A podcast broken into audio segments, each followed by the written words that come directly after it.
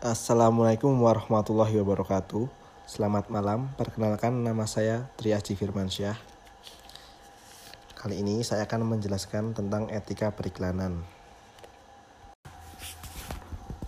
Secara definitif, iklan dapat diartikan sebagai pesan berbayar, komunikasi non personal yang dirancang untuk berkomunikasi secara kreatif dengan memanfaatkan penggunaan media massa atau informasi yang diarahkan. Iklan dapat mempengaruhi konsumen melalui beberapa metode. Namun yang paling utama adalah bahwa tujuan utama iklan meningkatkan kemungkinan bahwa konsumen yang terpapar iklan akan berperilaku atau percaya seperti yang diinginkan pengiklan. Periklanan dapat berupa beragam bentuk dan aktivitas. Perusahaan yang memasang iklan dalam siaran televisi, kampus yang memasang baliho penerimaan bahasa baru di pinggir jalan protokol, aparat kepolisian yang memasang spanduk tentang kewajiban memakai helm bagi pemotor, atau perusahaan yang memasang pengumuman penerimaan pegawai baru. Beragam bentuk dan aktivitas periklanan ini ditunjukkan untuk mengaruhi kalayak yang melihat iklan. Merujuk pada berbagai contoh di atas, Periklanan bisa dibagi menjadi periklanan niaga dan periklanan layanan masyarakat. Iklan baliho sebuah kampus yang berisi pengumuman penerimaan mahasiswa baru dan iklan kolom di koran dari sebuah perusahaan yang memasang pengumuman penerimaan pegawai baru bisa dikategorikan sebagai iklan niaga. Sementara itu, iklan spanduk dari kepolisian yang berisi pengumuman kewajiban memakai helm bisa dikategorikan sebagai iklan layanan masyarakat. Dari dua jenis iklan ini, periklanan niaga yang lebih banyak mendapatkan sorotan. Hal ini dilatar belakangi bahwa iklan niaga bersifat komersial dan ada kompetisi dari berbagai pengiklan. Peran iklan dalam masyarakat telah diperdebatkan selama berabad-abad. Iklan dianggap para praktisinya amat bertanggung jawab terhadap segala kejadian baik di dalam hidup dan kritik oleh lawan mereka sebagai penyebab sebagian besar hal yang buruk. Beragam kritik mengenai etika telah diarahkan pada periklanan. SIM 2003 99 Dalam periklanan yang dilakukan dalam konteks pemasaran terpadu, pertimbangan etika harus dilakukan iklan dan promosi adalah ranah di, di mana kesalahan dalam standar atau penilaian etika dapat menghasilkan tindakan yang merusak perusahaan.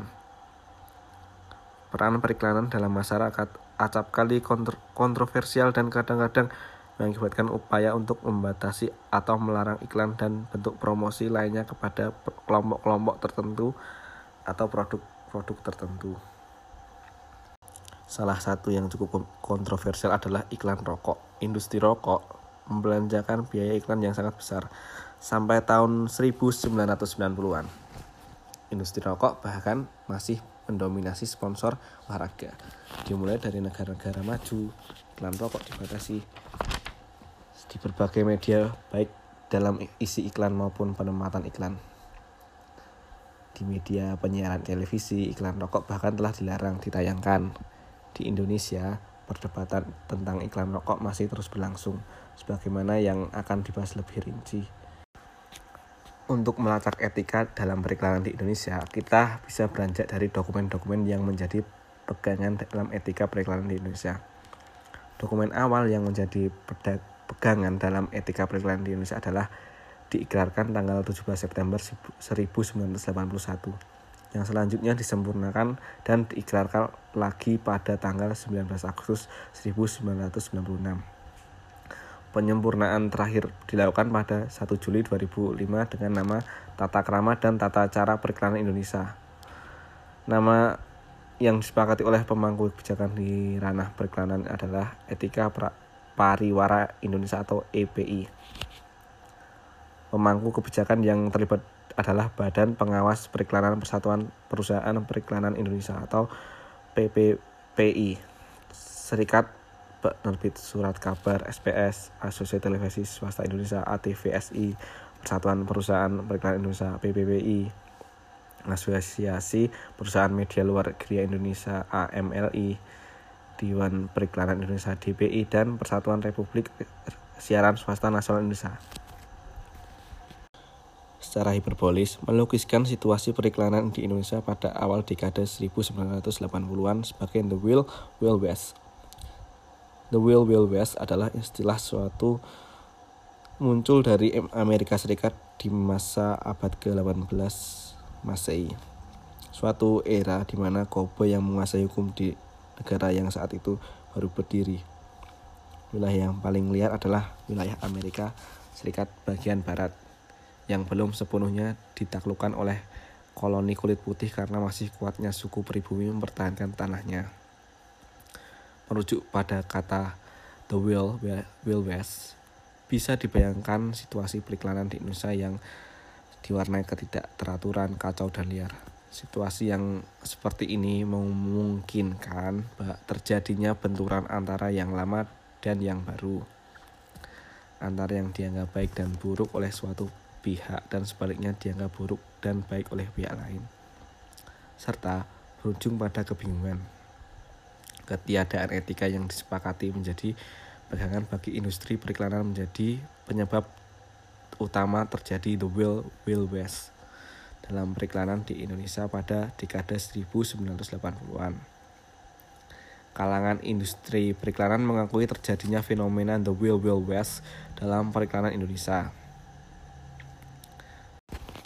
Kritik yang disampaikan oleh internal industri periklanan mengindisikan dua hal. Pertama, munculnya sikap sadar diri self-conscious kalangan praktisi periklanan terhadap peran mereka dalam mengemas dan menyebarluaskan pesan-pesan iklan kepada kalayak.